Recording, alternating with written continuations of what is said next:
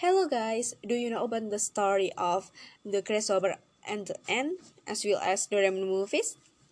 Well, I will tell you this time. Okay, the story of grasshoppers and ants. It started with a grasshopper relaxing, relaxing while singing under a shady tree. He watched the swarm of ants from a distance. The grasshopper saw how these tiny ants worked hard together food for the winter. Every now and then, the grasshopper looked at what the ants were doing. When it was winter time, the grasshoppers cried and whined in hunger and cold because they had not prepared they, their needs in advance. Because the whole area that usually provides food is now invisible because of the cold winter that is happening. From this grasshopper realized that what a group of ants did at that time was to prepare for their prison life. He also regretted his arrogance that had looked off at the ants. Okay, the next is movie Doraemon.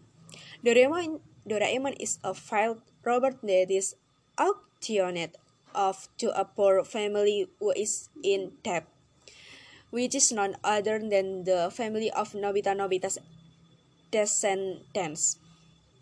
He used to be just a babysitter after failing to pass the exam at the Robot Academy. His ears were crushed after being bitten by a robot rat. The pain faded due to his own action, and there are still many head uh, many sad stories that he went through in the first year since his birth. Until one day, his family sent him back to the past, approximately 250 50 years ago, the time when Nobita Nobin, the ancestor of this family, still live in Tokyo. Doraemon's, Doraemon's mission is to help Nobita Nobita, Nobi Nobita, I'm sorry, Nobi Nobita, the great grandson of who owns Doraemon. Nobita is a child who always had pet luck and has no abilities. He is stupid in school lesson and can do sport. Nobita is only ta talent in shooting, playing rubber, and sleeping and almost useless ability in modern Japan. This is the reason why he failed to live their lives, and Doraemon was sent from the future to make him a success, successful man.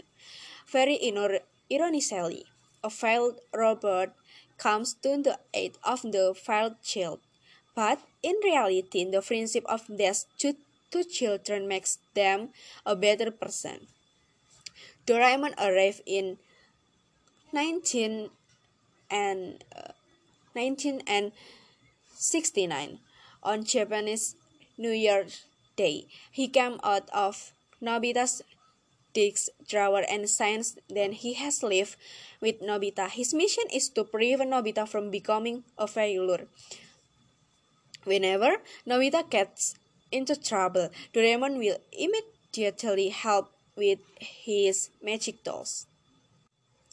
It seems that Doraemon's mission was successful because when they ventured into the future, Nobita saw himself married to Shizuka, not to Jaiko.